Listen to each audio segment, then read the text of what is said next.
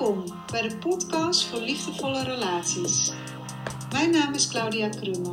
Ik ben oprichter van Counseling Center Changes en ik begeleid mannen en vrouwen bij het loskomen van verslavende relaties, verlatingsangst, bindingsangst en codependency.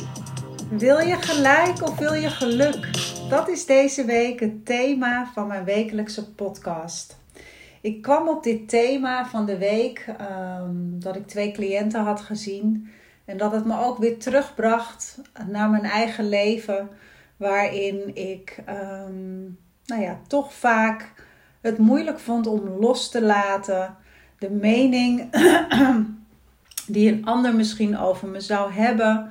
En dan met name ook in liefdesrelaties, maar ook in vriendschappen. En misschien ook zelfs wel met, uh, met kinderen en met ouders. dus dat thema wil je gelijk of wil je geluk, dat heeft te maken met controlegedrag, wat een kenmerk is van codependency. En tegelijkertijd dus ook met het proces van loslaten. En ik kwam dus op dit thema vanwege ehm, een cliënt die uh, vorige week naar aanleiding van een andere podcast zijn vraag had ingediend. En aangaf dat hij op dit moment zo ontzettend veel aan het lijden is. Um, vanwege het idee, de gedachten, de overtuigingen die zijn ex over hem heeft. ze volgen mediation op het moment. Uh, maar steeds weer probeert hij eigenlijk haar realiteit te veranderen. Door um, dat hij wil dat zij haar aandeel in het, in het geheel erkent. Haar aandeel in de echtscheiding. En zij weigert dat. Hè. Ze wordt alleen maar bozer en gaat alleen maar meer gemene dingen zeggen en verwijten maken.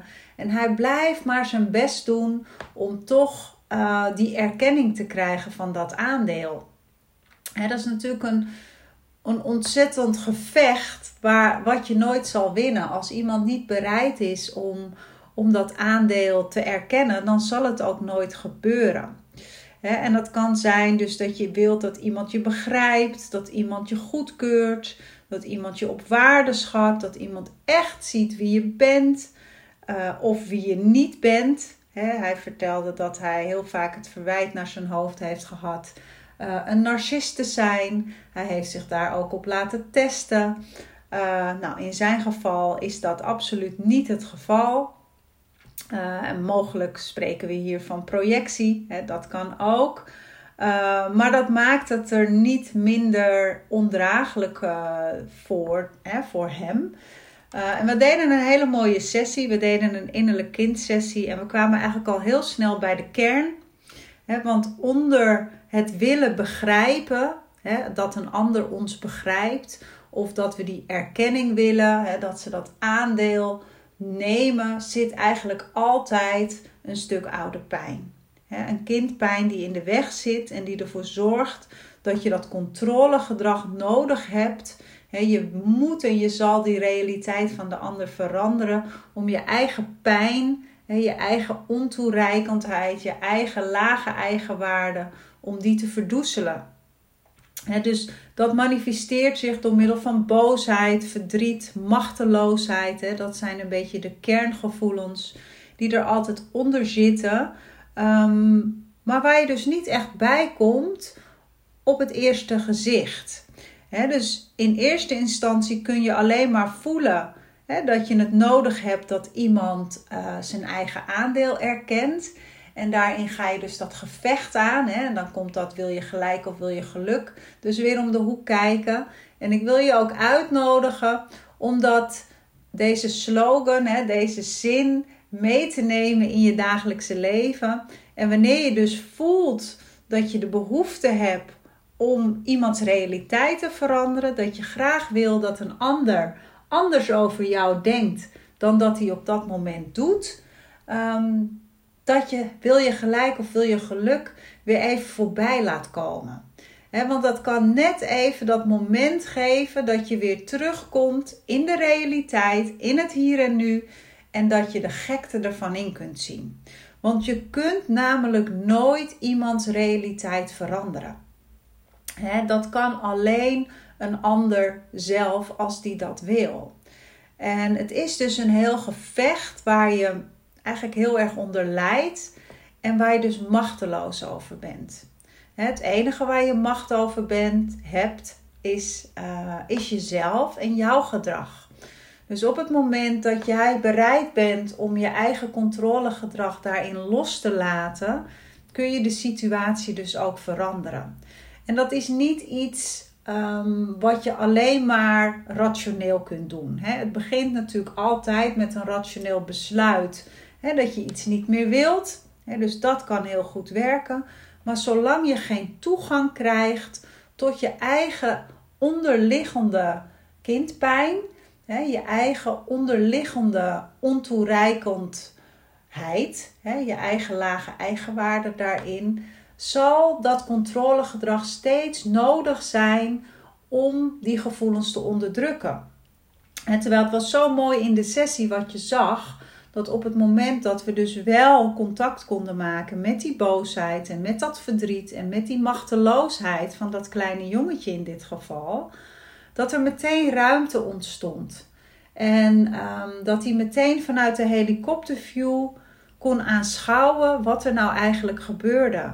En kon hij zichzelf ook die erkenning geven dat hij het goed doet. En dat hij zijn best heeft gedaan. En dat hij die erkenning van haar eigenlijk helemaal niet meer nodig heeft. Dat zij mag vinden wat ze vindt. En uh, dat het gewoon goed is zoals het is. En dat is de, de plek waar je naartoe wilt op het moment dat je hieronder lijdt. En het thema dat manifesteert zich dus op verschillende gebieden, in verschillende voorbeelden en ook op verschillende lagen. Maar heel vaak komt het voor in relaties, um, in echtscheidingen, met exen, waarin er een andere mening is, waarin er een conflict is ontstaan en waarin je dus elkaars realiteit wil veranderen. Ik had nog een ander voorbeeld van een dame die van de week bij mij in de stoel zat.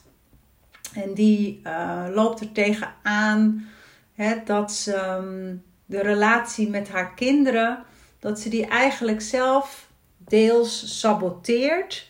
Doordat ze het niet kan loslaten um, dat haar ex niet zijn verantwoordelijkheid neemt. En door dat eigenlijk te projecteren op de kinderen en uh, het gevecht met hem aan te gaan, en niet te accepteren dat hij verantwoordelijkheid niet neemt, hè, maar steeds toch probeert om de ander die verantwoordelijkheid te laten pakken, um, graaft ze als het ware haar eigen kuil. En zet ze daarmee ook haar kinderen eigenlijk tegen zichzelf op, um, terwijl ze daar heel veel van houdt en het beste met ze voor heeft. Deze man heeft wel narcistische trekken um, en daar kun je het dus niet van winnen. Mijn moeder zei vroeger altijd: tegen een gemene tong ben je niet opgewassen. En dat heb je ook bij de overlevingsstrategie van de narcist. Die zet zulk manipulatief en vaak ook gemeen gedrag in, um, waardoor het onmogelijk is om als tegenpartij uh, daarvan te winnen. Ongeacht of je nu man of vrouw bent, beide, beide seksen kunnen dit gedrag vertonen dus ook wanneer je realiseert dat je daarmee te maken hebt, kun je jezelf afvragen: wil ik gelijk of wil ik geluk? Je zult het namelijk nooit winnen. dus focus je op jezelf. Keer naar binnen, maak contact met je eigen innerlijke pijn. Geef jezelf wat je nodig hebt en um, doorprik daarmee de illusie van het gelijk willen hebben en kom terug in je volwassen bewustzijn uh, en daarnaast ook weer bij de vreugde en de liefde die je zelf bent. Ik hoop dat je hier iets aan hebt. Laat gerust een comment achter onder deze podcast en ik uh, spreek je graag volgende week weer. Fijne dag allemaal. Doeg!